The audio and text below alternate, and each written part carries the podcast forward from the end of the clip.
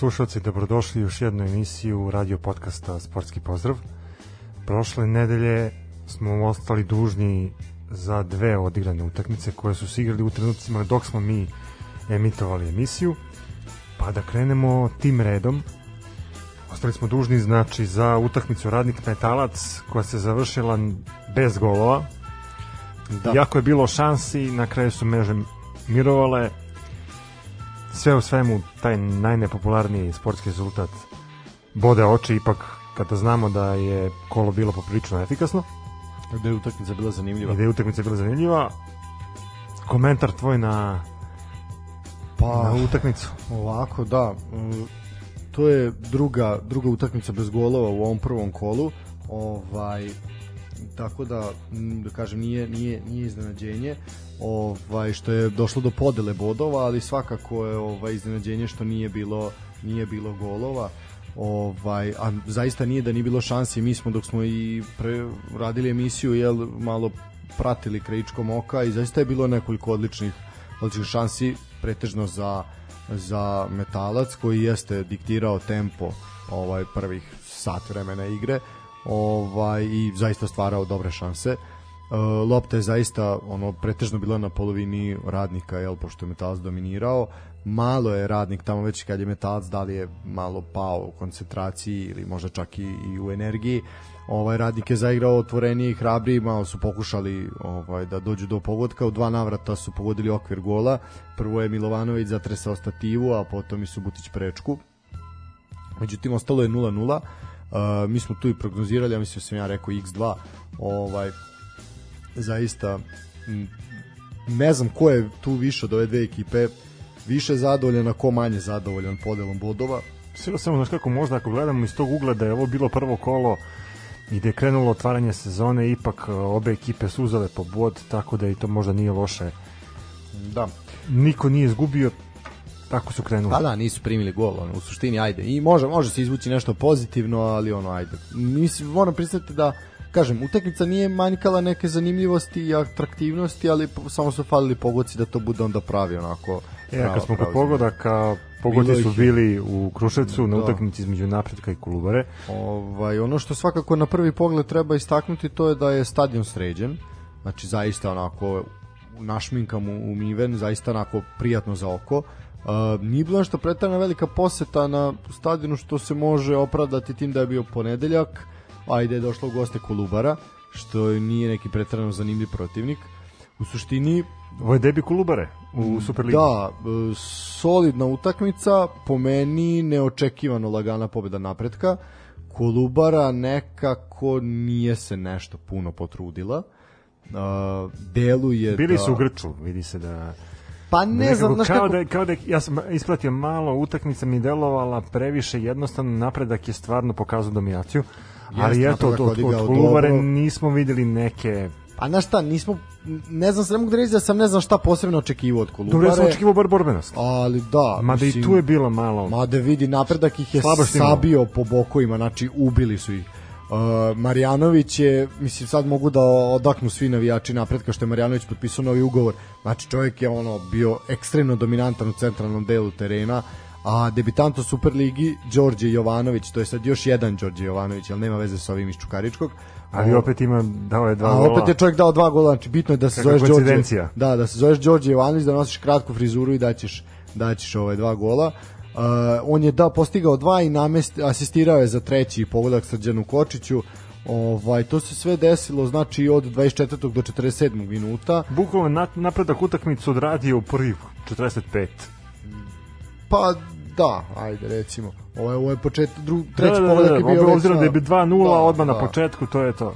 Tako je. Ovaj, zaista i napredak je čak završio meč sa igračem manje zbog isključenja Jovanovića, Stefana Jovanovića ovaj put. E, I imala je Kolubara tu u tom samom, pri samom kraju meča i dobru šansu da ublaži poraz, ali Mladenović je pogodio prečku. E ono, znači osim te neke dominantne ovaj, igre napretka, moram priznati neočekivane, Uh, ono što svakako je lep gest, inače Đorđe Jovanović, znači iz Kruševca, Đorđe Jovanović je proglašen za igrača kola uh, prvog uh, i zaista lep gest gde je čovek nakon prvog postignutog pogotka došao do klupe svoje ekipe, uzeo dres sa brojem 6 i podigao ga u vis kao znak da je gol posvećen Marku Pantiću. Mi ćemo se podsjetiti Pantiću generalno proveri za novi šampionat pokidao prednje ukrštene ligamente i predstoji mu zaista duga, duga pauza. Uh, oni su futboleri, eto, oni imaju svog Kristijana Eriksena, ovaj, gde su na, futboleri napretka, eto, pobedu posvetili svom povređenom saigraču. A što se tiče ovog Đorđe Jovanovića, pa eto, prva, prvo kolo, prvi, prvi ovaj igrač kola, pa mislim da ako nastaje ovako, njemu će se tek ono pričati i pisati i oni koji su pratili Srpsku ligu Zapad, ovaj ga dobro pamte i znaju znaju kako on igra. On je postigao 19 golova za slogu iz Požege na dok je sloga je išla ka svom pohodu ka prvoj ligi Srbije. Nažalost nisu uspeli u tome. Nisu ispali, ali ispali su u baražu. Od Timok. Tako je, uh, mada je tu bilo gusto, pričali smo o tome. Uh, Pazi, veliki skok za njega. Pa ne vidi, napredak je pratio, napredak je pratio i onako ispod radara su uspeli da privuku ovog momka u svoje redove. Znaš kao do juče igraš treći rang takmičenja u Srbiji i sad si u Superligi. I sad si u Superligi. Tako je, vidi. I budeš proglašen za igrača kola. Pritom, znači, Mali je kidao i u toj ovaj, srpskoj ligi i sigurno, sad ćemo vidjeti samo da li mu je trebala ta ipak jedna faza da on pređe iz jel malo po, po kvalitetu da li može toliko da odskoči, ali ajde, mislim ni, ono što je sigurno ukoliko bude zdrav i ukoliko zaista nastavi da tako vredno radi i trenira, niko nema ni najmanju sumnju da će se čovjek više struko isplatiti napretku. Eto već na već na prvom kolu dva već u da, u prvom no, kolu u dva gola, gola, dva gola i asistencija i zaista pritom dečko ima tek 20 godina, što je isto poprilično fascinantno. Ovaj tako da eto to su samo eto stvarno zaslužio tako je. tu nagradu. To su to su te dve utakmice koje smo mi ostali dužni. Uh, ostali smo dužni za termine odigravanja utakmica pošto smo u ponedeljak nije znalo ko će kada gde igrati. E pa reći ćemo ovako, znači da je utakmica između Radničkog i Spartaka već uveliko u toku, 76. minute, ona je počela u pola 6. Uh, I tu je Uh, radnički poveo već u četvrtom minutu preko gol, gola Trifunovića, 19. minutu Trifunović 2-0, Milošević, Stefan na 2-1, smanjio na polovremenu, Lazar Tufekđić u 52. izjednačio, Branković po autogolom u 60. minutu 3-2 za Radnički iz Kragujevca. Zaista zanimljiva utakmica, lepo vreme u Kragujevcu, solidna posjećenost, tako da eto, mi ćemo malo ispratiti tu šta se dešava. Imamo još jednu utakmicu danas. Da, još jedna, to je, to je Voždovac Proletar. To nas igra nešto kasnije, ja se nadam da ćemo, ovaj, ne, nećemo je baš celu ispratiti, ali malo ćemo početak, verovatno. To je Voždovac Proletar, neće biti lako ovaj, ekipi Branka Žigića na, na krovu tržnog centra, to smo svakako najavili. Što se tiče ostalih termina, to je to za danas. E, Novi Pazar Čukarički je odloženo, to je ono što si ti najavio. Da, da. S tim da znači imamo utakmice ovako, znači sutra je 24. i imate opet u dve trebalo je biti taj novi pazar treba da se igra sutra međutim uh, igraće se ovako. Znači radnički niš i napredak sutra od 19 znači 18.55 izvinjavam se. Uh, Crvena zvezda mladost od 21 Uh, to je subota, nedelja, metalac TSC uh, od 19 časova, od 18.55 opet, pardon, i uh, u 21 čas Vojvodina i Partizan derbi kola igraju na Karadžorđu u ponedeljak imamo samo tu jednu utakmicu od 19 časova kad se sastaju opet Kolubara opet igra ponedeljkom, dosta zanimljivo i radnik iz Surdulica eto opet u ponedeljak od 19 časova, to ćemo opet mi malo pratiti pratiti u našoj našoj emisiji. Mi smo naše predikcije manje više rekli. Eto Čukarički je dobio da odmori. Uh, vidjet ćemo da li će možda nakon ove utakmice Vojvodine Partizana možda Partizan dobiti da odmori nakon putovanja u Slovačku, pa Crvena zvezda isto su tu sve zanimljivo, vidjet ćemo sad koliko će biti tih odlaganja i ono ajde poprilično je nezgodno ono što smo pričali zašto se kola igra u četiri dana, to je veliki, veliki problem. Da, da, to se stavim s tobom. Opet vidjet ćemo kako će e, zajednica Superligaša to rešiti, obzirom da eto, naši klubovi se takmiče u kvalifikacijama za evropska prvenstva. Da. Pa Tako eto, šta, šta da pa kažem. mislim da, u suštini što se tiče super, super lige i ovog dela, dela ovaj, priča o tome ono što smo ostali dužni, ono što smo eto ovaj nismo nismo stigli jasno da kažemo, to je u suštini to, možemo se polako prebacivati prebacivati dalje, ono što je svakako privuklo najviše najviše priče i svega i pažnja, to je Evropa. Tako je, eto imali smo tu sreću da gledamo naša četiri predstavnika da, u pa evropskim možemo ići onako, vidim da se ljudima svidelo ono što smo radili, ovaj, da smo išli po danima, pa ću se sad ja opet, kratko ćemo samo pretrčati, naravno da je najbitnije ono što su naši radili, a ukratko, e, dvojac koji čeka Crvena zvezda, to ovaj Alaškert iz Jermenije i Šerif Tiraspol iz Moldavije. E, šerif je dobio 1-0 u gostima i tu će biti poprilično, verovatno će rešiti Šerif kod kuće, mislim da tu, tu je lagani prolazak dalje. Ono što je bilo zanimljivo, taj dan je, na primjer, Dinamo koji je slavio protiv Omonije onako u drugom poluvremenu bilo je poprilično teško, znači Omon je opet namučila balkanske predstavnike kao prošle godine Crvenu zvezdu. Naravno nije još sve gotovo, ali treba treba odigrati revanš na Kipru. Pritom će se igrati u nekom ludačkom terminu, ono u 5 Pa i pretpostavljam da će temperatura biti malo veća Jeziva, da. u odnosu na ovo naše E, područje. u suštini tu, da, e, onaj duel koji smo mi najavili kao izuzetno zanimljiv, to je Rapid Beč, Sparta Prag. E, bilo je 2-1 za Rapid. Da, da, Sparta je vodila 1-0 na polovremenu, Tako je, međutim pali su u igri, Rapid je malo dao gas i eto na kraju sa dva gola prive utakmicu kraju. Da. Pa, Pa nije, mislim, nije ovo nije rešeno, ovo je otvoren, izuzetno otvoren rezultat. Tu, tu Mi moramo biti- da, da, da naznačimo da ove godine gol u gostima Ne ne važi, važi, da. znači Da, ne igra to je nikakvu otišlo u istoriju. ulogu. Tako da, eto, vidjet ćemo kako će naši klubovi da se snađu u ovom novom sistemu takmičenja, obzirom da znamo da smo u ranijim godinama znali da da prođemo na ili da i ispademo da, da. između ostalog na taj jedan gol.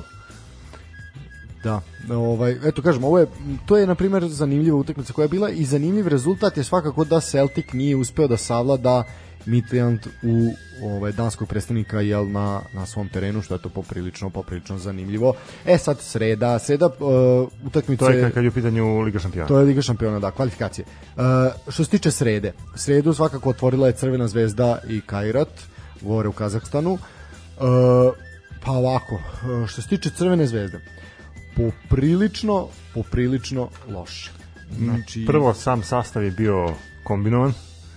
Mislim da je to ekipa Zvezde koja nije konstantno radila na, na, na, na, kažem, na, na, na uigravanju, na taktici. da, Od same se. defanzive pa do, do napada. Uh, utakmicu su krenuli traljavo, pojažljivo, završili- završili a završili još gore. Da. Da. I da ne beše onog autogola, pitanje Pa poprilična sreća, da. poprilična količina sreće. Ovaj zaista užasna igra i onako poprilična briga pred revanš u Beogradu. Uh, ono što je svakako utisak je da je činjenica da je Zvezda delovala mnogo gore nego što su ovi delovali nešto naročito impresivno. Znači nije Kajrat pokazao ništa posebno, ali je Zvezda zaista bila onako, što bi rekli, sami su sebe pobedili. Znači, gomila gobre, pogrešnih dodavanja, znači nema, nema napada, nema Pritom nikakve imali su igre. neke polu šanse, ali to opet ništa konkretno. Jedino, znači, kad loptu date Kataju, onda to ima nekog smisla. Ovo sve ostalo je bilo Bože sačuvaj. Znači, kada loptu uzme Kataj, on može nešto da uradi, ali i u tim situacijama može nešto da uradi kad ga neko isprati od saigrača da istrči. Sve je ostalo zaista, zaista ovaj je bio problem. Uh, problem su bili prekidi, zaista ništa nije funkcionisalo. Ovaj po meni je najviše kriv Dejan Stanković koji izgleda nije pronašao dobitnu kombinaciju i neku taktiku. Šta god da je hteo da postavi, zaista se Zvezda, Zvezda mučila. Uh, poslednje, eto, ovo je ta treća zvanična utakmica gde nisu postigli igrači Crvene zvezde gol, znači ovo je postignuti autogol. Uh, zaista onako, čak nije stvorena ni jedna neka šansa, ono se kaže da je bila 100%, znači zaista eto, Kataj prelazna ocena, ono Kataj je zaista bio dobar. A ovo Pre bi čak možda i Benu dao prelazu. Ben je nešto pokušavao individualno, ali opet kažem, da. to je bilo sve tanko. Mislim- Meni je Zvezdina odbrana izgledala skroz konfuzno. Pa dobro, Dragović je kraju- bio dobar, Dragović je da, bio dobar, ali je imaš slabo, da. uh, Pankova O, koji Pankovi je Rodić su bili očajni. mislim. baš su bili očajni. Pritom, Rodić je zakasnio kod povlačenja kad je u pitanju drugi gol. Uh, izašao je malo ranije nego što je trebao i eto na kraju je doskorašnji igrač Partizana Maki Banjak uspeo da postigne Da. gol i da matira Milana Borjana. Poprilično onako srećno se našao u toj u toj situaciji Pa, i gre, greška odbrane Zvezde. Da, definitivno. pritom poprilično čudne izmene Dejana Stankovića, znači gde ubac, ubacuješ Bakajoka na beka, Filipo Falko, čovjek koji je doveden kao ekstremno pojačanje ko treba da, ne znam kakav kreator bude, tebi čovjek uđe 3 minuta pred kraj, mislim, ono, nije ni toliko. Znači, zaista, ovaj, po, poprilično, poprilično loše i imaju, imaju čime da se onako da se zabrinu pošteno pred, pred, ovaj, pred revanš u Beogradu i ostaje samo nada da će Crvena zvezda pa iskoristiti tu iskoristiti ovaj teren i domaću publiku da ono da nešto uradi, ovo je poprilično sramotno, poprilično. A, kad smo kod toga, šta misliš kako Zvezda može da, da reši u situaciju svog korista? Pa vidi, može. Puna, puna marakana, tačnije koliko bude dozvoljeno, jel da je moguće zbog ovaj Zbog propisa Da, na, da, naravno, zbog restrikcija, ovaj, puna marakana, pun gas od prvog minuta, dajte im tri komada u poluvremenu. Mislim, zaista ovaj Kajrat nije ništa posebno, ali Crvena zvezda zaista, ni ona nije pokazala ništa posebno ni protiv Vojvodine, ni, pro, ni sada. Mislim da definitivno imaju problem sa efikašnošću. Definitivno i sa distribucijom lopte i sa onako popriličan je problem u svemu ali mislim da im i tranzicija ne igra pa to distribucija ide, da, da, zaista zaista loše deluje da je taj odlazak e, Milojevića a, mislim na pomoćnog trenera jel koje o kom smo pričali da je otišao mislim ispada da je tu čovek ovaj to je kao ona priča sa ako se sećaš uh, iz prethodnih sezona sa Savom Miloševićem i sa sa Đu, Đumićem, da. da. Ovaj, gde ispada da je pomoćni trener vodio 80% priče oko igri svega kako je otišao Đumić i došao ovaj lažni legija iz Javora, ovaj Partizan je bio katastrofalan. E, isto tako sada i ovde, znači otišao je pomoćni trener koji izgleda držao 80% priče oko igre, taktike i svega. Ispada da tu je Dejan Stajković samo motivator, da se on zapravo i ne pita nešto puno. Ovaj Vidi ja sam da- slušajući da... njegovu izjavu posle utakmice stvarno bio zabrinut kad je u pitanju Crvena zvezda. Mislim da možda on u tom trenutku stvarno nije znao kako da vodi ekipu, ali me brine i to da a, eventualnim nerešenim rezultatom Kajrat može lako da izbaci zvezdu iz a, kvalifikacija. Posle nerešenim rezultatom ih izbacuju, mislim, nema šta. Na Zvezda mora da pobedi mora, sa dva gola razlike. Da, pritom Zvezda mora da pronađe model kako da prvo postigne gol to je to je samo mogu iskoristiti samo iskoristiti, iskoristiti pun stadion i taj momenat da se malo ovi zalede u prvih 15 minuta da ovi daju gol i onda onda tu imaju šanse sve ostalo jako teško što se tiče naravno ovaj to je samo prvo poluvreme treba odigrati 90 minuta. Vidjet ćemo da. šta će biti u Beogradu. Eto, ne, ali se... hoću da kažem, ako ih slome u prvih 15 minuta, mislim da će lako rešiti do kraja onda. Ali ako se budu ušli u nekih 35-40 minuta, da nema da, pogotka, da, da već, panika, da. gotovo, tu panika kreće. Uh, što se tiče, naravno biće izuzetno zanimljivo, mi ćemo to svako ispratiti. Što se tiče ostalih rezultata tog dana, uh, Malme je pobedio Helsinki sa 2-1 u jednoj zaista zanimljivoj utakmici, to je jedan derbi Skandinavije. Uh, Mura, o kojoj smo pričali, šampion Slovenije, je odigrao 0-0 sa Ludogorecom, pritom je Ludogorecu poništen jedan pogodak, sad opravdano ili neopravdano nećemo o tome diskutovati, ali eto, Mura, Mura ide sa nulom u ovaj, Bugarsku Slovan iz Bratislave Young Boys, nešto od čega sam ja zaista puno očekivao, isto 0-0. Legija je pobedila Floru Talin a, sa 2-1. Sasvim opravdano. Pa da, moglo je biti možda i ubedljivije. Olimpijakos Nefči Baku 1-0 i PSV onako izgazio Galatasaraj sa 5-1. Poprilično, poprilično ozbiljan, ozbiljan rezultat. Uh, da, na, imali smo mi još jednog predstavnika taj dan.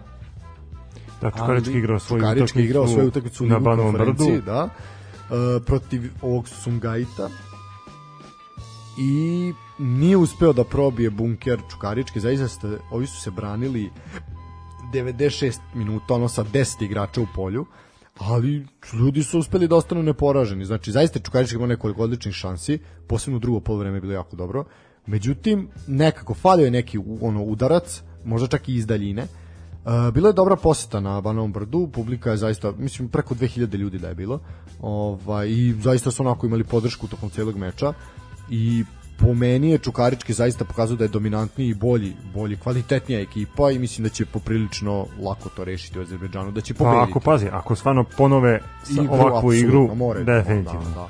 Jer ja od Azerbejdžanaca nisam očekivao ništa, niti smo videli. Nismo ni znali šta da očekujemo, s ne lažemo, znači prvi put smo čuli za njih, ovaj, i to je, mislim, meni je zaista neverovatno da lopta barem jednom nije ušla u gol, znači oni su se branili svim silama. Znači u prvom poluvremenu znači, su igrali bunker, u drugom poluvremenu su igrali bunkerčinu. Znači ono ne katastrofa, ni lično ni na šta. ja ne znam da li su dva puta prešli polo, polovinu. Pa verovatno je bilo ispostavljanje lopte, pa onda... Pa da. Uh, Aleksa Janković ponovo odigrao odličan meč. Znači čovek koga se Partizan tako lako odrekao je opet po desnoj strani zaista bio fantastičan. Šta bih još rekao? Je li igrao ovaj dečko iz Jamajke? Jeste. Jeste, Campbell je igrao, ušao iz igru sa klupe. Uh, 16 kornera je na primjer imao Čukarički, što je onako popriličan popriličan ovaj broj, a ni Azerbejdžana gosti nisu imali ni jedan. Kažu da je bilo loše suđenje Šnajdera, to sad opet ne bih zalazio, nisam kompetentan. Onako bilo je tu par par ovaj nekih čudnih odluka. Uh, što se tiče, da, po meni još jedna ovako što se tiče Čukaričkog, pa ćemo ići na kratku pauzu, jedna ovako poprilično zanimljiva, zanimljiva stvar, a to je da su uh, igrači koji su izašli na teren ne mladi, nego zaista fantastično koliko mladu ekipu ima Čukarička. Evo reći ti da je najstariji član ekipe 93. godište, to je kapitan Marko Docić. Znači, to je čovek od koliko 28 godina, on je najiskusniji tu, najstariji. Uh, Đorđe Petrović 99. Miladin Stevanović 96. Šapis 97. Tanasijević 97. Roganović 2000. To. Uh, eto, Srđan Mijailović je 93. mada je doci stariji po, po mesecima. Milan Savić 2000. To. Kovač 99. Janković 2000. To. Đorđe Jovanović 99. Norman Campbell, taj igrač sa Jamajke je 99. Nikola Čolić 2000. 2002. pardon. Znači, pa to su to su poprilično deca još uvek. Znači to je znaš ti šta za njih znači ovako ovako takmičenje. Zaista zaista opet opet pokazuje samo da je politika Čukaričkog fantastična i mi mi je onako da, da, da, dušno, dušno stvarno guraju mladi igrači i probaju da od njih naprave jako dobre profesionalce. Tako je. Ništa, ajmo na kratku pauzu, pa se onda prebacimo na ligu konferencije.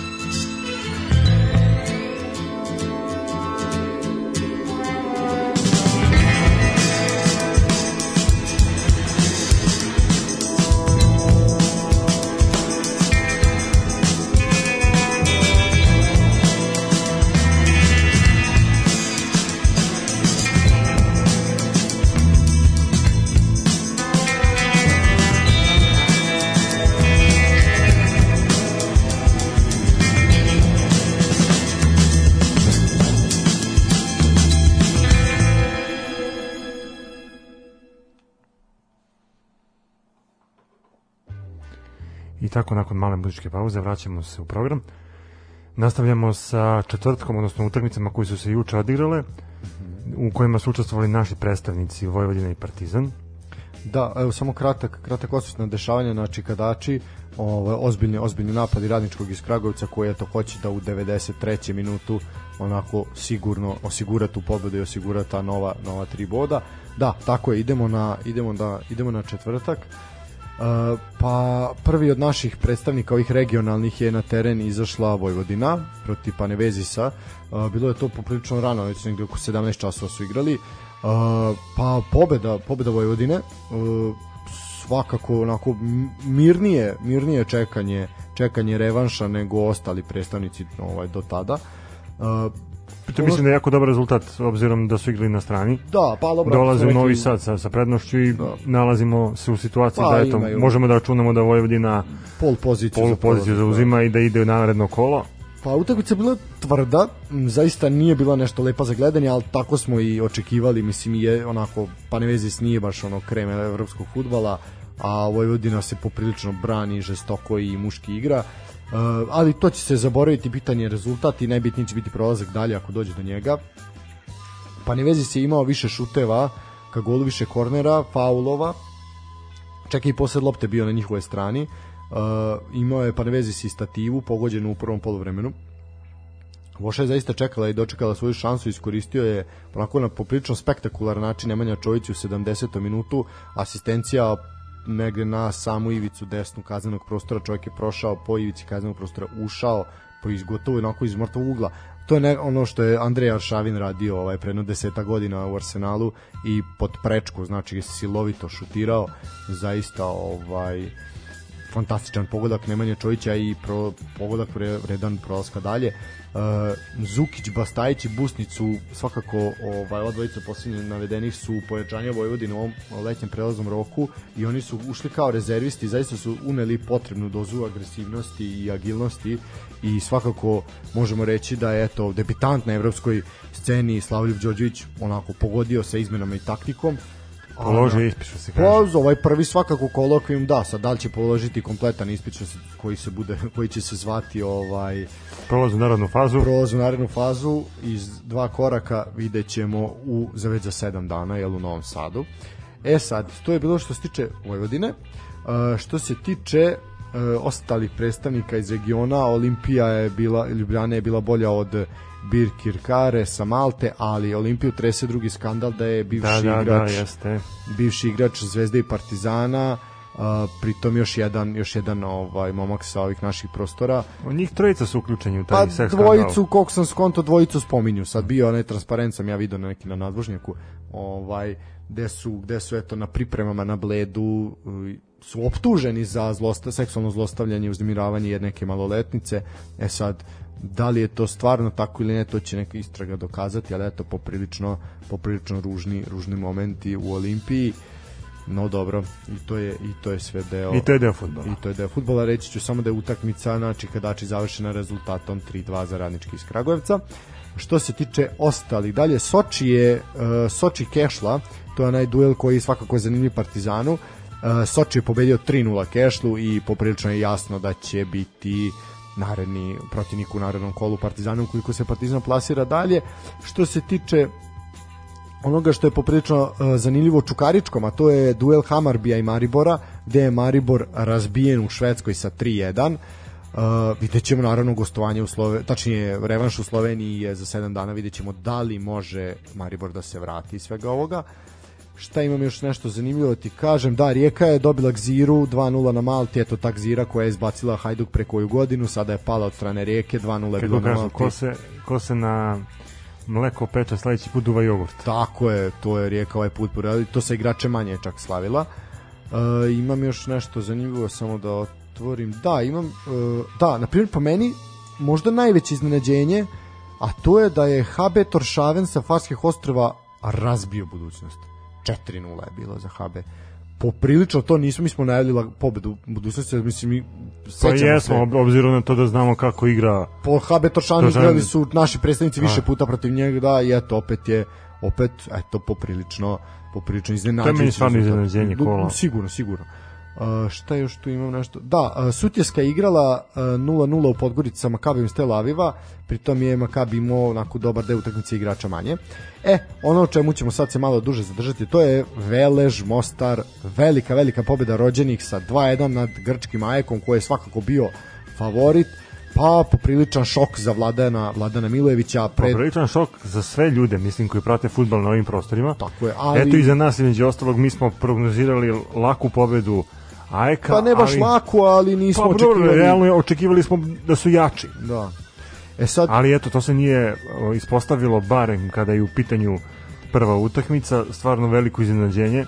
Da, uh, puno, ovako, puno prvo Koševo, o, ne, pardon, Koševo, nego Grbavica, ovaj, i zaista je, pa moram reći, poprilično lepo što je železničar ustupio, ustupio svoj stadion uh, Veležu iz Mostara, ali znamo da je puno ljudi iz Sarajeva bilo da gleda Velež, tako da zaista je to u jednoj fantastičnoj pravoj sportskoj atmosferi to je tako i krunisano pobedom pobedom Veleža, naravno puno sreće im želimo na revanšu u Grčkoj. Treba će im sreće. Treba će im. E, onaj ko nije imao sreće, a to je uh, borac iz Banja Luke, koji je to jedan fantastičan fantastičan način najavio to gostovanje u, se, u Irskoj gde u severnoj Irskoj jel? Ovaj onako u stilu Peaky Blindersa i baš je dobar dobar dobar fazon, fazon. dobar je fazon marketinški bio dobar fazon.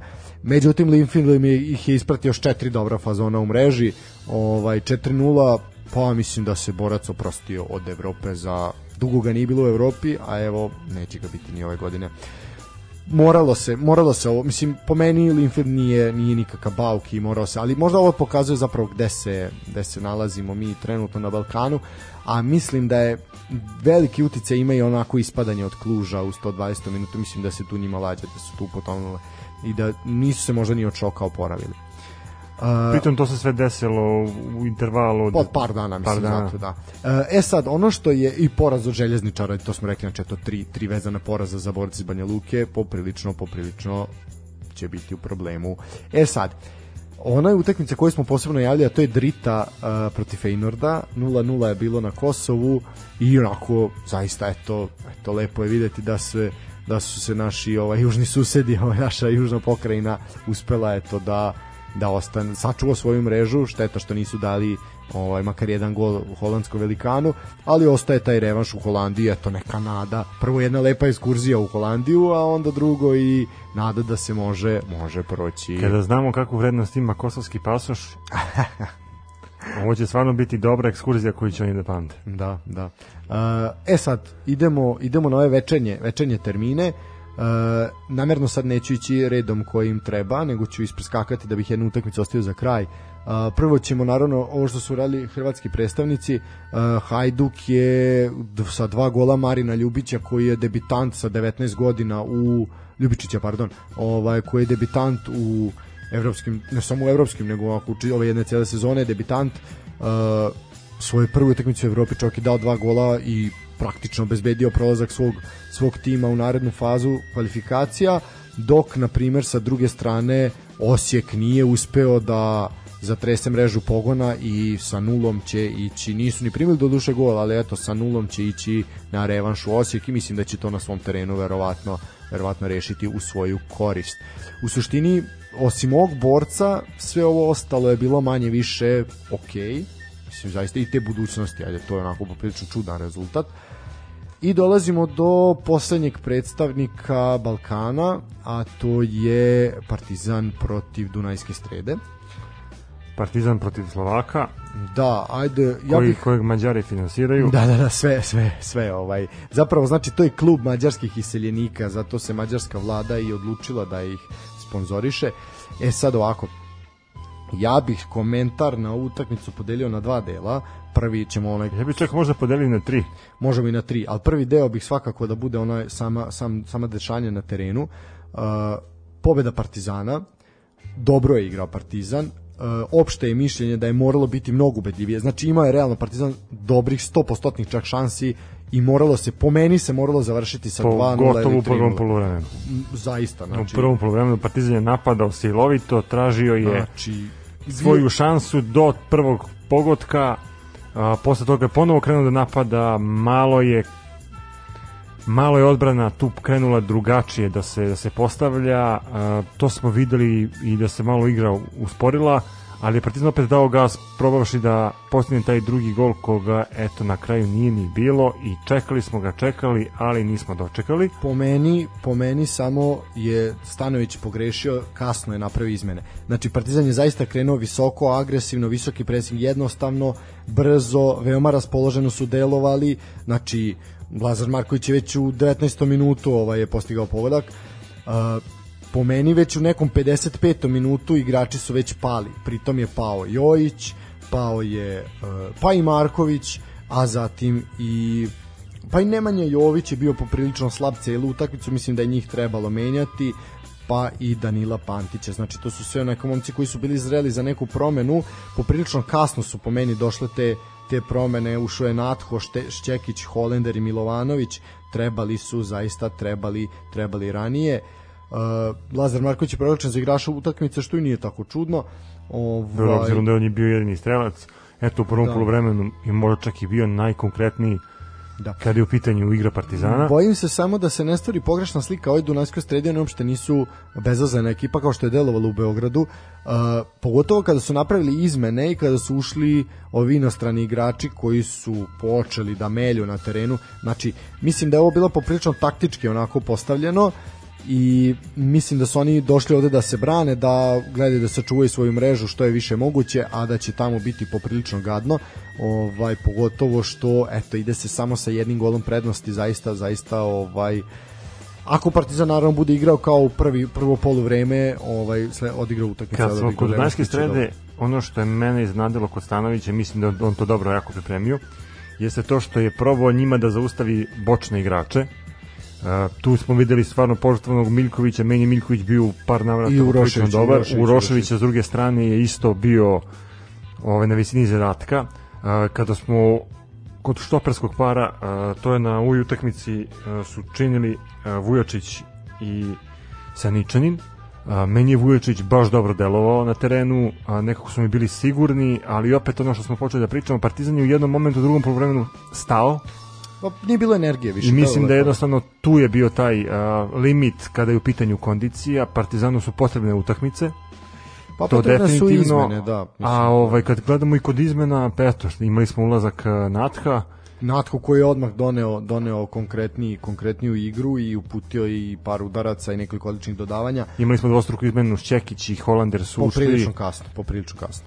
To je trebalo, to je trebalo biti mnogo ranije i ja sam se onako radovao da vidim da vidim Holendera i Dobro, da ti si prognozirao da, da, da bi bilo zajedno, dobro da, da da Hollander i uh, Ricardo krenu zajedno, da igraju, međutim, eto, Stanović to nije primenio, zamenio jednog drugim igračem. Nije, ne, ne. ne Hollander, da, da, Marković je zamenio, Marković da, da, moja greška. Hollendera, a Milovanović, da, da, Milovanović, je, Milovanović je u nadoknadi vremena ovaj, zamenio, zamenio Ricarda koji je isto čovek čovjek onako bio poprilično poprilično umor. E to je sad ta priča, znači Partizan ide u Novi Sad, uh, gostovanje Vojvodini koja će igrati na isti način kao protiv Crvene zvezde pa kao i protiv ovog pa ne vezi sa ako šta urade iz kontre uradili su. Uh, onda Partizan ide u Slovačku. Mislim da bi dobro za Partizan bili da se onda jedna utakmica odloži. A ukoliko se prođe Dunajska streda, mislim da je to poprilično. Da, pazi ovako, ako ja dobro znam, Partizan sad igra sa Vojedinom, u nedelju onda čeka, on su ide u Dunajskoj stredi u četvrtak i onda bi već trebalo da igra utakmicu u nedelju sa Voždovcem kući. Mm -hmm. pitanje je opet da li će Partizan tu utakmicu odložiti, kako će oni to da izorganizuju, pa, da li će, ja da li će čak i, i Voždovac pristati na, na, na odlaganje? Mm, pa mislim da to pa vidi ako ako zajednica superligaša donese donese odluku onda je to onda je to kraj. Ovaj a znamo da se prethodnih godina fudbalski savez ovaj da, je, trudio da izađe u susret ipak je ovo za klubovima koji igraju eto tako, ipak je ovo, da kažemo neki prioritet je ta Evropa. Što se tiče Partizana moramo reći da je Vladimir Stojković, eto Partizan je ostao bez kapitena, Vladimir Stojković je napustio ono što smo i pričali, napustio je klub, otišao je u Saudijsku Arabiju, u tim Vuka Rašvića, znači Al Feihu, ono što je što je bilo i najavljeno, mogu reći, eto, 37-godišnji ovaj golman je prihvatio da ode i onako pred kraj karijere odradi još jedan bogati ugovor u inostranstvu. Šta da kažemo? Fali je, je opravljeno to? Šta misliš? Pa vidi, to su verovatno toliki novci da se to u 37. godini ne, ne, ne odbija. Ne mislim Partizanu, obzirom da da ga čeka revanš, obzirom da ga čeka prva utakmica sa, sa Vojvodinom koja je poprilično bitna. Pa vidi, imaš Aleksandra Popovića, imaš uh, Stevanovića, verovatno će tu biti doveden još jedan, još jedan neki golman. Ovaj, Gočmanac je bio prošle sezone treći Pa da, pitanje, neće njega gurati u vatru, ali eto, ja bih voleo da se šansa da šansa da Nemanji Stevanović jer je on to zaista zaista zaslužio. Što se tiče uh, kažu da je odluka o tome uh, prepuštena glavnom skautu Ivici Kralju i treneru golmana Nemanji Jovšiću pa eto bivši, bivši golman i Partizana i Jovšić i Kralj neka, neka odaberu onako kako je kako je najbolje za klub uh, Vladimiru Stojkoviću srećno u Arabiji i ja sam poprično siguran da će se on vratiti kad završi taj ugovor da će sigurno pronaći svoje mesto u fudbalskom klubu Partizan kao neki trener ili već već nešto. Ovaj moram samo priznati da to neće biti isto sa njim i bez njega na terenima našim i eto Superliga je ostala bez jedne pozaiste istinske istinske legende ovaj i kada bismo pravili Hall of Fame Superlige prvi golman koji bi bio tamo je sigurno Vladimir Tako je, slažem se s tobom to je taj deo što se tiče igre. A, ajmo sad na ovaj ne tako fin deo koji se desio. A, onaj ko je gledao utakmicu preko RTS-a ili preko arene, ovaj video je neko komešanje, nije se, nije se Ako videlo. Ako nije video, bare mogu da čuje. Da, ali se nije, nije videlo ono što se zapravo dešavalo. A šta se to dešavalo, eto, mi smo bili, mi smo bili prisutni ovaj u, u tim momentima tamo na stadionu i ovako moram reći da sad kad su se malo utisci slegli ovaj onako pošto ajde ti si, ti si bio gore gore ovaj u loži mislim gospoda iz lože mi sirotinja koji smo bili na tribini ovaj kako se, o, mislim da, pitao si me jel, kako sam sad delujem da sam onako malo, video si kako da, sam obzirom, bio obzirom da smo sve to mi sinoć videli posle utakmice da. sasvim slučajno, Ovaj, desilo se to da sam ja video tebe jako uznemirenog, nervoznog, pa me interesovala tvoja reakcija tad i, i reakcija sad. I re, reakcija sad pre nego smo krenuli da snimamo emisiju. Pa ovako... I evo sad kad su se stvari slegle, smirile, interesuje me kako si ti to doživeo i šta se zapravo desilo na evo delu ovako. tribina na kome si ti bio. Tako je, znači ja sam bio na tom delu istoka, ovaj to je istog bočno, jel to se tako vodi. Ukratko samo, mada već toliko se vest proširila, svi znate šta se desilo ukratko. A, prvo su počela skandiranja uprava Napolje, zatim su počela skandiranja predsjedniku da je ovaj gej orijentacije, ovaj e, ili homos, homoseksualne orijentacije. Mislim, nebitno je, znate svi o čemu pričam. Ovaj, I došlo je do toga da su nekoliko momaka sa južne tribine pokušavalo da smiri ta ta skandiranja, ube, vide, mislim, prilazili su ljudima koji su skandirali i govorili nemojte, nemojte, dajte samo sport, nemojte politiku. E, I to je u jednom tom momentu je to neke ljude smirilo, neke verovatno i uplašilo, moram priznati i bar je tako delovalo, međutim kako su oni išli redom, to je, mislim, pazite, juče ste imali u Beogradu 13.000 ljudi, pritom je isto Mislim da je bilo čak možda i više. Pa ajde, mislim 13.000 ono što kaže zvanična statistika sada, verovatno je bilo i više, ali uh, istok je bio istok je bio prepun. Znači pričat ćemo posebno o tome kako su poštovane mere i to je sad druga druga priča. Ovaj što se tiče toga, znači istok je bio popunjen, momci su išli gore dole, jel tamo ovaj cimali, nemojte, nemojte. I kad su se popeli na vrh uh, istoka do loža, tamo su naišli na eto nekoga ko nije hteo da prestane i ko eto se nije ni uplašio ništa i došlo je do onako mm, na odgurivanja vamo tamo čak i razmene udaraca popriličnih gde su ti momci onako poprilično se poprilično se potukli i sve to trajala frka nekoliko sekundi i za tih nekih desetak sekundi se stvorilo još jedno 5-6 momaka ovaj koji su prvo prvo ti momci su preskočili, koliko sam ja video, preskočili su iz lože. Znači, preskakali su preko novinara i preko lože, pritom to su lože u kojima su nek, prvo nekada sedele uh, velike legende Partizana. Dobro mi je bilo i sad, na primjer, eto, bio je Albert Nanđ, bio Novica Ličković, da, da, tako dalje, ali eto, samo oni koji su bili, a gde su i ovi što su sad tu, znači, preskakali preko njih, da bi onda počeli da mlataraju kaiševima, rukama, nogama, onako naravno na što se prvo u tom, na tom delu tribine su bilo, bilo jako puno roditelja sa malom decom. Bilo je jako puno starijih ljudi koji tu dolaze godinama i ti znaš te iste ljude, mislim čak i novinara, starih, sportskih i tako dalje, imaš on starog novinara SOS kanala, on već to sedi tamo gore, ovaj, znaš na koga mislim, ovaj, Tako da, znaš, popril, prvo, prvo to je poprilično strašno. Gde je onda u tom stampedu ljudi, ljudi su ono bežali, neki su se spuštali dole, neki su sklanjali se levo desno. Uh, ja sam bio primoran isto tako da se spustim dole na ovaj jer jednostavno stampedo te nosi, moraš moraš pratiti inače ćeš biti pregažen i spuštao sam se dole da bih došao negde na drugi red recimo od, od atletske staze da bih primetio jednog dečaka malog možda 4-5 godina maksimalno možda i više ali poprično malog ovaj koji je u toj frci gunguli ostao bez roditelja, jel, pošto je taj stampedo i sve to, da li on otišao u stranu, šta se desilo, da li je odgurnut, znači jednostavno ne znam. Uh, drugar koji je bio pored mene, mi smo, ja sam preskočio ogradu, jer video sam da nemam kuda, uh, povukao sam i to klinca sa sobom, uh, drugar se klonio jednu stranu, drugi u drugu stranu, mi zaista nismo skandirali, jer mislimo da poprilično tu nije mesto tome, svoje nezadovoljstvo pokažete na izborima ili na ulicama kad su protesti, ne na stadionu, na stadionu se nešto drugo radi. Uh, u sve toj frci oni su izašli na atletsku stazu, masa navijača izašla, izašla na atletsku stazu što je popriličan problem jer sada UEFA može da nas kazni. I to ozbiljno da nas kazni. Uletanje navijača na teren je poprilično zabranjeno i poprilično može da snosi posledice. Uh, u tom momentu je letela žandarmerija, počela da razgure i ko je kriv i ko nije kriv, kako to oni obično i rade, naravno neki su fasovali ozbiljne batine koji nisu bili ništa krivi.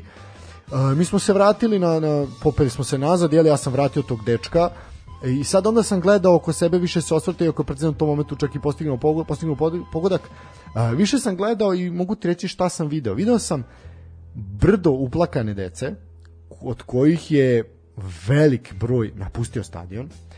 E, ta deca uplašena, uplakana, se više nikad neće vratiti na stadion. E, video sam čoveka koji je došao sa dve ćerke, video sam čoveka koji je došao sa unukom, Vidi, video sam čovjeka koji je to došao sa sinom, koji je to bio tu pored mene. Video sam čovjeka koji je doveo prvi put svoju devojku.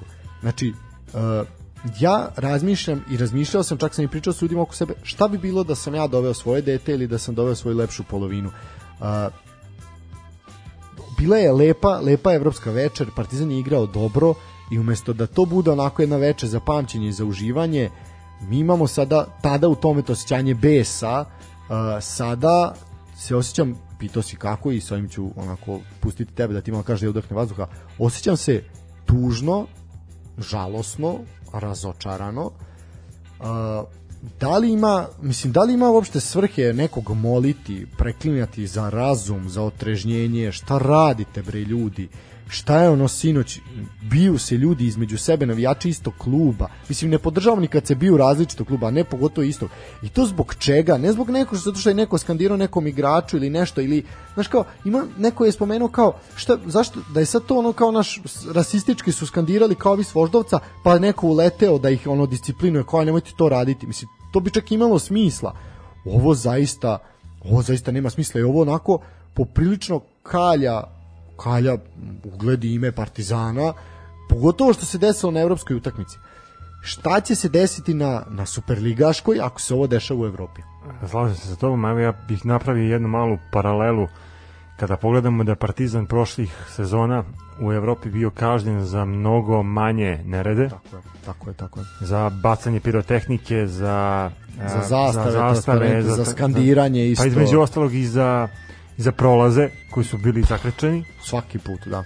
Mislim da stvarno mora upravo Partizan ozbiljno da se zapita u kom pravcu planira da, da ide. E, ovo je stvarno skandal. Prvo što eto vi dođete da, na jednu evropsku predstavu, da podržite svoj klub. A to je prvo jeste to jedna lepa evropska predstava. Trebalo da bude. Mislim, eto, uzmemo primjer da su eto, navijači Partizana prošlu sezonu završili oma na početku, kada je Evropa bila u pitanju, znači čekali su godinu dana tu mogućnost da ponovo gledaju svoj klub u evropskim takmičenjima i onda se desi to što se desilo, stvarno uh, nemam opravdanje za, za to. Uh, mene, na primjer, iznenadila i reakcija uh, policije žandarmerije. Mislim da, su, mislim da su kasno uh, ušli to da, da reše, mislim da tu, i, tu mi je nekako sve to delovalo opet konfuzno. I kada se pogleda ceo taj uh, ambijent koji je vladao to veče u Humskoj, uh, ono što ja mogu da kažem je da je stvarno taj nemili događaj sve zasenio, čak i tu pobedu Partizana i čak i tu situaciju da je klub ovaj, otvorio severnu tribinu za decu do 13 godina i to je jako lepa stvar i to je super što, što uprava kluba radi, ali kada vi doživite to, eto što si ti doživao između ostalog i, i drugi ljudi koji su to veče bili na stadionu Partizana, e, stvarno treba da se zapitamo dokle. Znaš, nije problem što sam ja to doživeo, nije problem što su moji drugari to doživeli. Mislim, problem je, ali ajde, znaš kao, ja neću zbog ovoga prestati da pratim domaći futbal. Ja ću zbog ovoga ići da gledam i Vojvodinu, ići ću da gledam i Partizan, i Radnik, i Zvezdu, i vamo i tamo, ja ću to opet gledati. Meni je najžalije što su, bilo je zaista na Mislim, takve, stvar- takve kako utakmice, se- takve večeri, takve utakmice, i takve večeri uh, na, navode decu da se zaljube u taj sport. Prvo reći ću ti, da znači, sa, sama atmosfera pre početka utakmice je bila fenomenalna. Sve. Znači, ljudi su bili oko stadiona, osjetila se ta uh, pozitivna energija. Svima je falilo, svima Svako je falilo. tražio kartu da, da, da kupi, što je opet pohvalno. Uh, dosta navijača iz unutrašnjosti sa strane je došlo da, da podrži Partizan. I kad smo ušli na stadion, sve to delovalo super. Uh, I pored toga, eto, što je još uvek na snazi uh, to ograničenje kada je u pitanju uh, koronavirus. I eto, to se desi što se desi. I na kraju, eto, stvarno gora kuku s ustima, a mogla je da bude stvarno jedna velika i lepa futbolska predstava.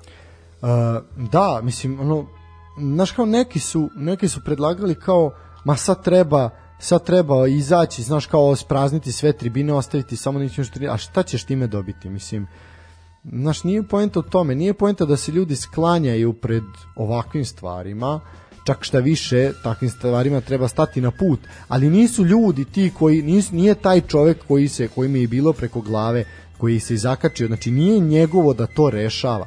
Ovakve stvari mora da rešava Pritom još jedna jako bitna stvar, znači ako uzmemo da komentarišemo najvatrenije pristalice Partizana, e, koji u momentima kada Partizan igra tu evropsku utakmicu, znamo kakva je UEFA bila, znamo da smo imali kazne zaključavanja stadiona, da se igralo bez publike, znamo da je Partizan čak u jednom momentu e, bio u situaciji da igra van Više zemlje. puta, više puta, da.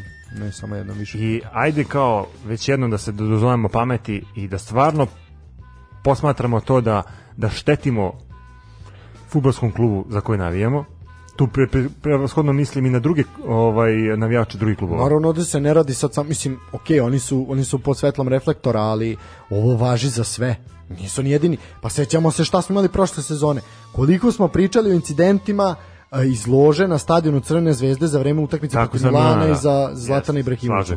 I koliko su se navijači Partizana naslađivali sa tim i koliko su govorili ma to je mi, mi smo elita, ovi su seljaci. E pa gospodo, sad ste vi pokazali. Znači, po meni, uh, meni jako smeta što se politika bistri na stadionima.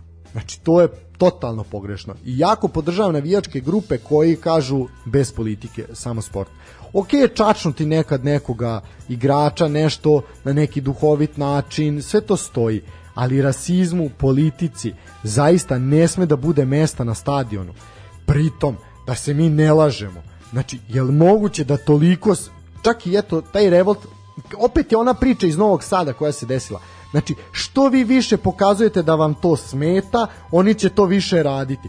Pustite, zanemarite, nek viču, vikaće 3 minuta, prestaće. Arena će svakako i RTS spustiti ton, reglere, znači to se neće čuti. Ko što se i nije čulo u prenosu. Znači, prenosu se to jako malo čulo, arena je odmah odreagovala. Znači, čemu to? Dobri, bili su pripremljeni na to. Pa znali, su šta mogu da očekuju, pa naravno je. narod je nezadovoljan. Pogotovo što je u tom, u tog dana ste nekoliko sati pre toga imali protest na Karaburmi, gde su protestovali za ovog dečaka što je poginuo ovaj, Da, u saobraćaju nesreći. saobraćajne nesreće, tačnije podlegao posledicama saobraćajne nesreće. Znači, normalno da je narod došao besan, pogotovo to se dešava u Beogradu, to se dešava nekoliko kilometara od tog mesta gde se to desilo. Imao si masu ljudi koja je došla s Karaburme na stadion Partizana, izrevoltirana. Znači, I ne samo to, ima si milion ljudi koje je tu došlo izrevoltirano. Po meni, tome zaista nije mesto na stadionu. Ja shvatam nezadovoljstvo. Po vidi, sad će ispasti da mi nekako branimo se. Ne, pa i mi smo nezadovoljni. Po mnogome čemu ovim, ovim režimom i svemu ovim i uopšte životom u Srbiji. Ali to se ljudi Što moji... ja sam baš zadovoljan. Pa dobro, pa zašto si dobio pasoš preko veze i išao na evropsko prvenstvo? Ono, normalno bi pa ja bio zadovoljan. Ovaj, Znači, nisi za to vreme gledao naš futbal, tako da molio bih. Ti radio sam emisiju. Ovaj, na, pritom, Patreon i Paypal, to ćemo razgovarati, mogli bi malo da se pojačaju narode. Nemojte tu se zebam, vidite da preskačem atletsku stazu tamo, sad treba Da, je Da, u- život mi je opasnost si emisije u koncu i jevi ga, dajte malo neki, neki dina. Dajte dam izjavu za Al Jazeera za nešto, razumeš da ovaj, Ništa ako, ako ovaj, barem da platimo osiguranje, životno. Životno pa da pa sad ono ovaj a da pa ti bi da zaradiš na mojoj nesreći. Još će napoj da ti ove će reći ona je vikao ona je vikao. Ona ima emisiju znate on priča zašto predsjedniku. Ne ovaj sad šalu šalu na stranu. Mene jako brine mene jako brine prvo šta će biti uh, odluka UEFA za sad se ćuti o svemu tome. Uh, možda će to proći tako ispod radara. Uh, a brine me i to šta će se dešavati već u nedelju na Karađorđu Znači, imate jednu... Sada može doći samo do eskalacije sukoba ništa više. Ovaj, mislim da ni jedni ni drugi nemaju... Mislim da jedni i drugi. Nema tu jednih i drugih. Mislim da niko tu nema nešto ovaj, ni intelekta, ni neke ovaj socijalne inteligencije da malo to iz, onako izreguliše na neki normalan način. E, ono što bih ja istakao sad kao ajde, ovo je sve zaista ono poražavajuće totalno i mislim pored, posle onog momenta kad je posle smrti Saleta Mutavog kad su isto tako vijali ljude po pioniru, ovaj ovo je isto onako jedan sramotan sramotan, pa možda i najsramotniji potez. Uh, ono što je na primjer prošlo dobro, to je ta dečja tribina koju si ti rekao, ja moram reći da je između ostalih nešto što je sasvim normalno, a to je da je a, futbolska akademija Šhodra iz a, Albanije bila Partizanov gost i da su ovde koliko je nekih deseta klinaca sa svojim trenerom proveli fantastičan dan u Beogradu i bili na utakmici, uživali u dobrom futbalu i to je normalno, znači prošlo je bez incidenata, bez ičega i to tako treba da bude. Znači vidite da se može. Jednostavno se može. Samo samo zaista treba treba malo poraditi poraditi na svemu tome. Uh, što Partizan se zahvalio toj deci, ovaj koja su bila na na toj severnoj tribini.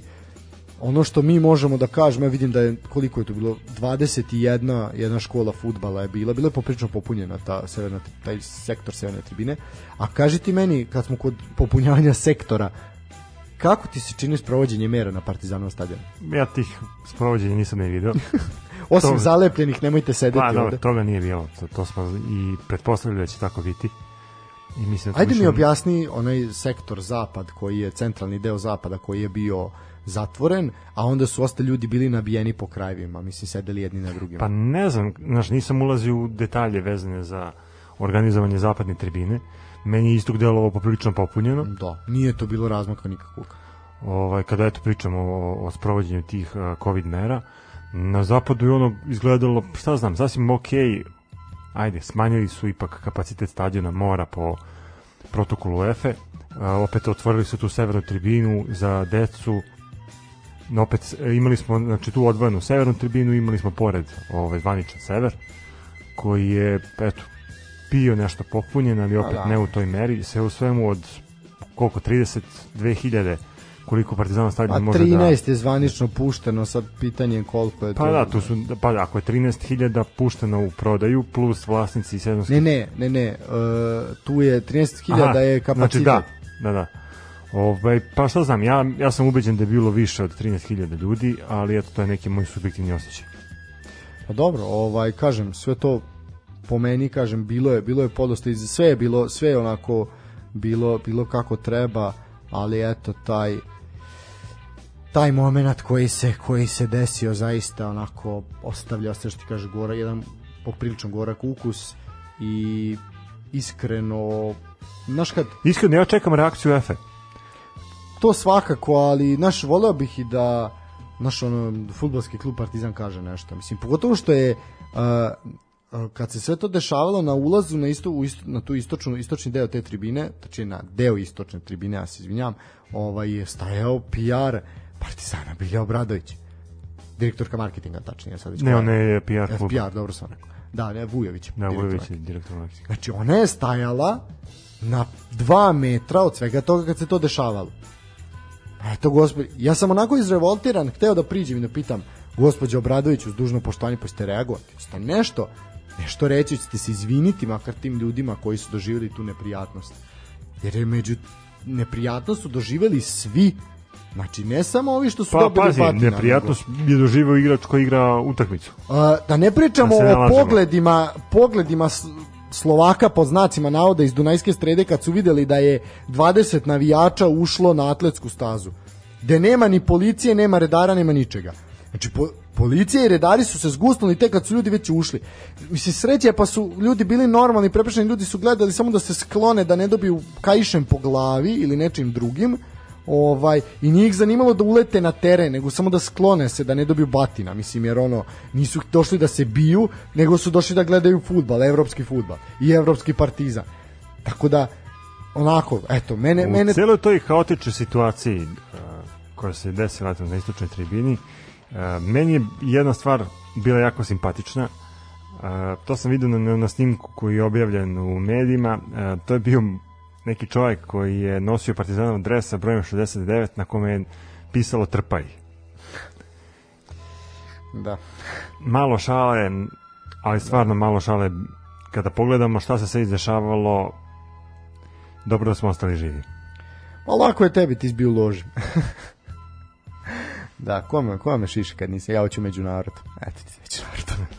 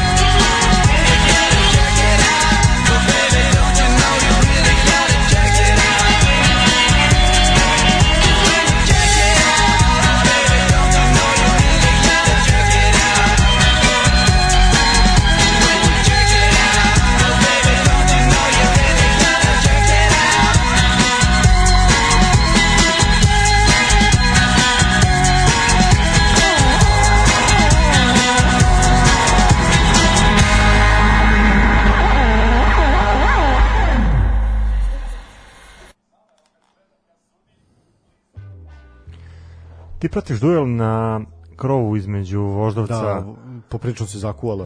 Ovo je već tek peta minuta, ali već se kuva ozbiljno. Voždovac je posle jedne... Voždovac proletar. Da, Voždovac proletar, Voždovac je posle jedne sjajne akcije da je onako lopta izbačena na krilo i vraćena u samo srce kaznenog prostora, postigao pogodak i evo sad se VAR gleda već dva minuta da li je bilo ofsajda.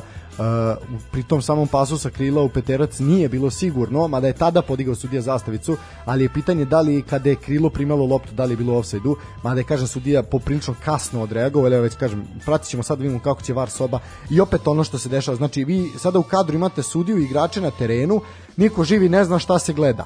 Znači, evo, sad kadar na publiku. To mora, to mora zaista da se reši, jer jako dugo traje to gledanje snimka, a niko ne zna šta se gleda, kako se gleda. Su, publika nema eto pravo da jednostavno nema mogućnost da vidi šta se šta se gleda i da li da sama proceni, znaš. Opet i taj taj taj var je jako bitno da i, da i sam gledalac proceni e bio sam u pravu, mislim ono, bili su u pravu, nisu bili u Između pravu. ostalog to može služiti i za edukovanje futbolskih igrača. Apsolutno, apsolutno. A da vidimo, da, poništen je, poništen je zvanično pogodak, utakmica se nastavila, znači 0-0, eto, nastavljamo, pratit ćemo naravno malo dok budemo pričali. A kad smo kod arene, E, kad smo kod Arene, e, saznali smo eto e, informaciju da će Arena prenositi Premier ligu Engleske za sezonu 2022-2023. od te sezone narednih šest godina. Tako, narednih šest godina. O detaljima ugovora se prvo spekulisalo da bi se na kraju Brzo, izašlo sa da. cifrom od 100 miliona po eura. sezoni. Po sezoni, da. Znači 600 miliona ukupno, s tim da je to znači Arena Channels grupa koja će prenositi Premier ligu u e, šest zemalja bivše Jugoslavije što je poprično veliko veliko tržište. E, sport klub nije operisao na tako velikom tržištu. E, ali opet e, ovako što se tiče mislim počelo je počelo je prepucavanje i sve ono što ću ja sad samo kratko zaista to jeste najpopularnija liga i tu svakako stoji možemo mi sad tu da se raspravimo ne najpopularnija najatraktivnija najjača a i najzanimljivija Uh, ono što je i najviše zarađuje od TV prava.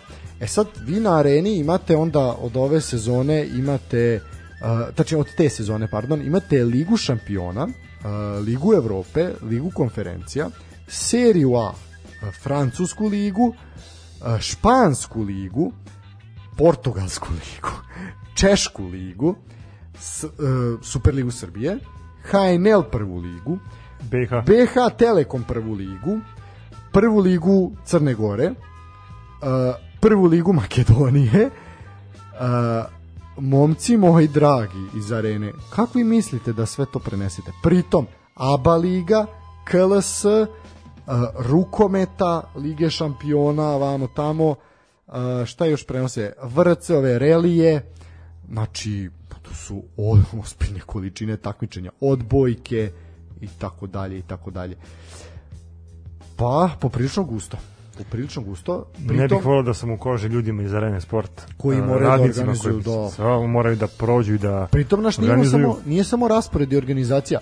Ti sad imaš ozbiljan posao sportskih novinara i komentatora koji to moraju ozbiljno da isprate. Da, da, da. Znači, mi pratimo, je, aj dobro, pratimo jednu ligu kompletnu i još ove malo sa strane štrpkamo, po to poprilično naporno. A pratiti šest liga, po, pritom ovih najjačih, gde najzanimljivih, gde se zaista nešto dešava, pritom ne zaboravite da oni prenose, Arena prenosi Japansku ligu, prenosi i e, Australijsku premier ligu. Mene zanima šta će onda ostati ovim drugim Pa sportskim na šta je kanalima. ostalo? Pa možemo da pričamo. Osta, o, o, jedini ostali su Sport klub, jel, United Media grupa, koja ima novu sport i sport klubove.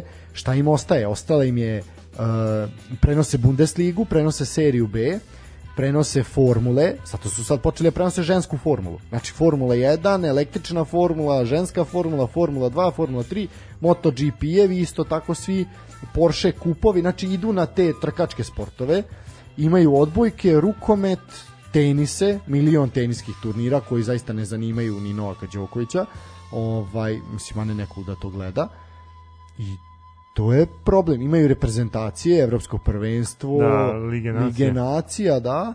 E, mislim da je ovo popričan šamar e, bio upravo sport klubu upravo zbog e, evropskog prvenstva i mislim da se tu malo Telekom nadurio što nije dobio nije dobio makar deo prava i da su sad, e, sad ćemo vam uzeti ono što vam je najdragocenije, a zaista jeste Premier Liga najdragocenija sport klubu od svega što oni imaju sad. Mislim, sport, sport klub ostaje Beloruska liga sada prenosi, mislim, ono što je poprilično Azijska liga šampiona i Indijska Premier Liga i tako dalje, mislim, to je poprilično slabo sve da se ne zezamo. Uh, tako da kažem, ovo će biti ono čega se ja bojim, a to je da će naša liga ispaštati pogotovo što mi nemamo zaštićene termine i to je ono čemu smo mi pričali godinama unazad, pa čak i mi ovde u ovoj prethodnim emisijama i mm, generalno naša javnost, da je Fudbalski savez Srbije zajednica Superligaša morala da zaštiti termine u kojima se igra igra naša liga, da ne bi upravo došlo do toga, jer da se mi ne lažemo, e, termine naše lige određuju upravo arena. Tako da. Znači, kako areni odgovara zbog plana i programa,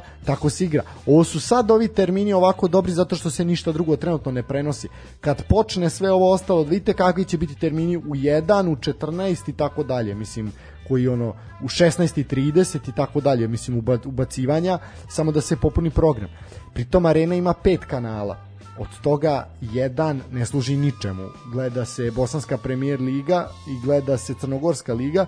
I imaju jedan kanal tako za prezentovanje dokumentarnih to, serijala. na, to mislim, to je broj 5. Znači tu imaš, pored ovih liga, i- imaš Češka liga se vrti na petici, imaš dokumentarce. Da li je, t- e, da, mislim, realno oni mogu koji sport klub otvoriti 10 kanala, razumeš, pa će onda verovatno zaključati neke da se dodatno plaćaju. Ti kada otvoriš više kanala, onda ćeš moći to da ispratiš i to da, da gledaš, ali poprilično jedan monopol, onako, vidjet ćemo kako će to izvući, neće to biti nimalo jednostavno. I pitanje je koliko će to kvalitetno biti. Da, pitanje je kako će oni to da, da odrade, obzirom da znamo eto, i da je sports klub imao a, izveštače sa lica mesta. Da, da, ima Cvijanovića koji gore da živi u Engleskoj. Šta je to? Pa pazite, ima i NBA. On je arena prenosi da. NBA. Da, to je poprilično poprilično nezgodno, poprilično nezgodno. Znači kaže ovako, prenosit ćemo svih 380 utakmica i uradit ćemo da sve da se naši gledalci osjećaju kao da su nekom od stadiona premier lige. Dobro kažem, poprilično, poprilično će to biti nezgodno. Kažem, ne samo organizaciono, već eto i onako ljudski kapaciteti će morati da se rašire.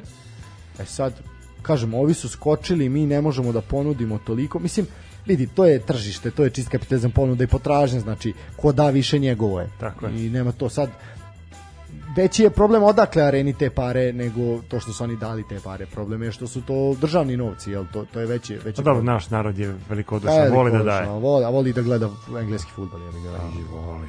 pa da. A kad smo već kod, kod prenosa, eto, e, danas su zvanično počele olimpijske igre. Da. RTS je prenosio neki sportski događaj i mi stvarno nismo mogli da verujemo da RTS nešto prenosi. Ali eto, ovaj, u udarnom terminu na prvom programu mogli ste da gledate otvaranje olimpijskih igara u Tokiju. Da, fi, izneli su našu zastavu, Fića Filipović i ova jedna devojka, skoro se koja je... Sonja Petrović, Jeste, Vasić. jeste, jeste, jeste, jeste, da, tako izvinjam se. Ovaj, za trenutak sam stavio, nisam mogao se setiti ko je. A, da, ja sam ispratio, znaš, prvo Ja sam samo video naše, učesnike su i uvek mi je interesantno koje sve reprezentacije učestvuju. Delegacije, da. Delegacije, eto imali smo priliku da vidimo i a, južnu srpsku pokrenu među učesnicima. Ajde, kako prokomentarišeš ovaj, to kako je RTS najavio ulazak Kosova? Pa dobro, okej, šta? Mislim u skladu s Mislim, politikom skladno s države. politikom države, to se... Da, da. A ima si Eurosport koji to radi na totalno drugačiji način. Nisam ispratio Eurosport, pa ne znam. Ovi, uh, RTS je rekao, jel, samo prozvana, Da, jel, ono, da. kako to naši političari govore, a Eurosport je rekao onako kako te jeste, izlazi delegacija Republike Kosovo i to je to. Sad, mislim, ono. E, meni je, na primjer, popriča onako tužno da je Makedonac ima jako malo, ono, to ne znam da li ih je, nije, nisu otišli, na primjer, ili šta je, šta je problem, ali poprilično malo. Vidim da ima jako puno zaraženih u olimpijskom selu.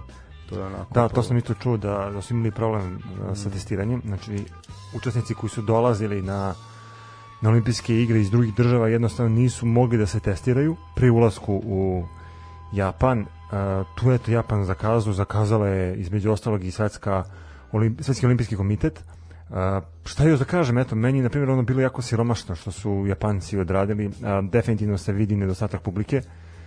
Pokušavao sam eto da da zapamtim imena raznih uh, Gvineja, Bisaja i Sao Tome i Principe i tako nekih uh, delegacija i, državica koje su učestvovali na prošlim olimpijskim igrama i koje su eto izborili ulazak i na ove. Eto imamo opet incident sa, sa ruskom federacijom. Rusi nastupaju kao poseban olimpijski komitet, znači ne, ne nastupaju kao država, već kao olimpijski komitet.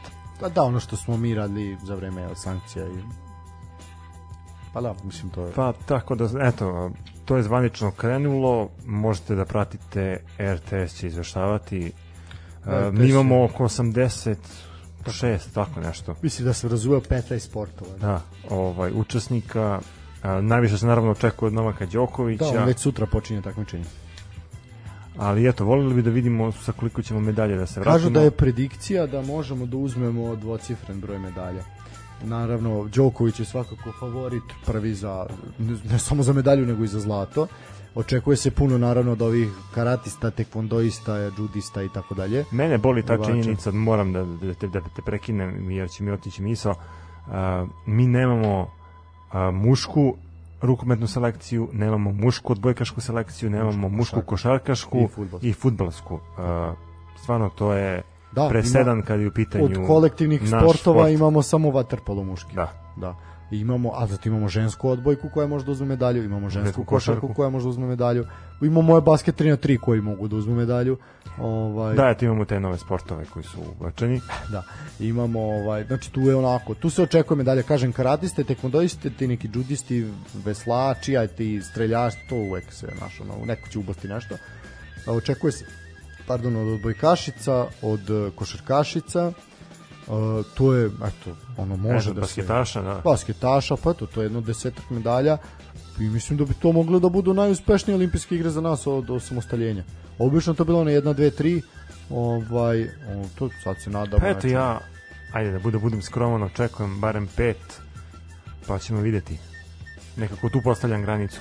Ja kažem više od pet.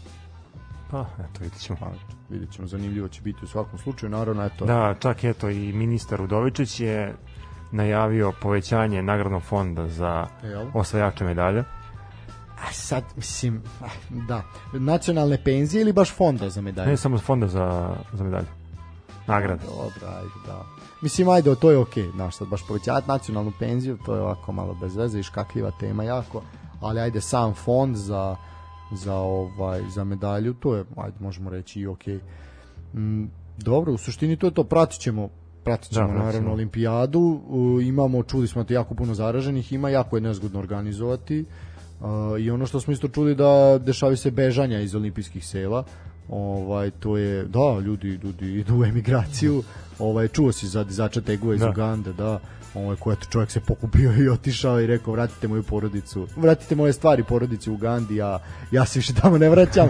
I zadnji put je snimljen na železničkoj stanici u Saki kako kupuje kartu i kako beži u nepoznatom pravcu.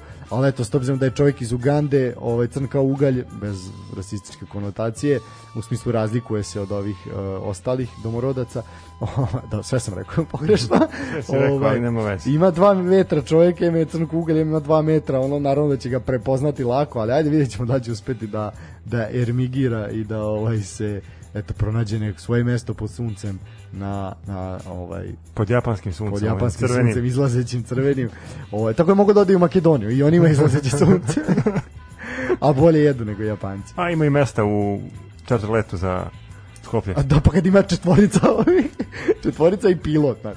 Ovaj, da, tako da eto, to je što se tiče olimpijskih igara. Mislim, borbe su već počele neke, ovaj, pre samog, na primjer, futbalski turnir je počeo dva dana pred, pred ovaj, ima poprično zanimljivih rezultata, ne znam, čak naše veslači su neki izašli već na teren, tako da je to sve počelo pre zvanične ceremonije. Mi ćemo to naravno pratiti i komentarisati koliko nam bude vreme dozvoljavalo. Mislim, koga zanima olimpijsko. Bi rekao Svetozar, sad ću ga citirati, pa kako evropsko prvenstvo, to je nebitno. Kako olimpijada, to je nebitno. Je, kad se kod olimpijade, ovaj, uh, Ruskinja uh, Svetlana Gombojeva pala je u nesvet tokom takmičenja uh, zbog velike vrućine. Pa da, pa dobro, da, biće, biće problem temperaturu u Japanu, to će svakako biti problematika. Evo velike šanse za proletar, međutim ništa, dobro. Znači 0-0 je tu, možemo se polako odjavljivati, a odjavit ćemo se sa temom koju smo prošli put nenamerno zapostavili. Ovaj, da se majdi kad smo kod olimpijade, još jedna samo rečenica pa ćemo se vratiti na ovu temu. A, postoji ozbiljna inicijativa da se Formula 1 ubaci u olimpijski sport. A, što je ravno ludilu. Znači, kako to organizovati, kako ćeš podeliti vozače, šta će ti vozači voziti. Uh, to zaista je poprilično, poprilično idiotski. Ovaj, tako da, ne, zaista, eto, ne znam. Moram reći i odgovoriti našim fanovima koji su nam pisali prokomentarišite sudar, prokomentarišite sudar. Jesi video sudar, dao sam ti domaći zadatak da to pogledaš, nisi video. naravno. Ne, naravno da nisi, naravno da nije uradio domaći zadatak, zato i sedi u poslednjoj klupi, ali ne radi domaći. Ukratko, I bežiš sa časova. i bežiš časova. Ovaj da pa ja radim sam. Ovaj sedi u loži. A sedi u loži. Takvi takvi eto vidite, eto vidite ovde kakav je život u Srbiji. Takvi onda sede u ložama, mi pošteni, vredni, radni, mi smo na mestu radničke klase na tribini.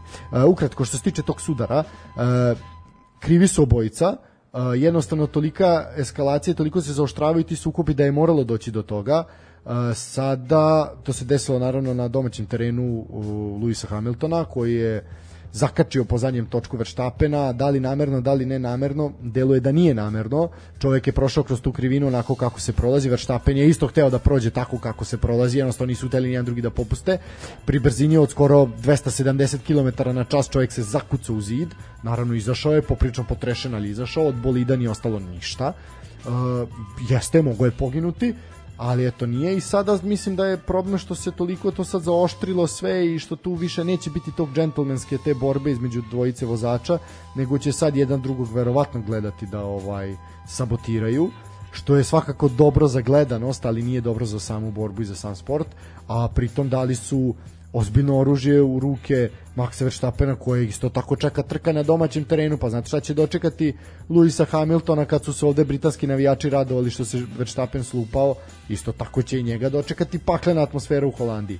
Poprilično, eto, zanimljivo, svakako zanimljiva sezona ovaj, u Formuli 1 koji treba pratiti i mi ćemo ispratiti i tako eto povremeno, povremeno komentarisati. A sad idemo na ono što je možda ah, reći najlepša vest, nije baš najlepša, ali nekako ipak pokazuje da se ovde ne zaboravlja, da se legende ne zaboravljaju.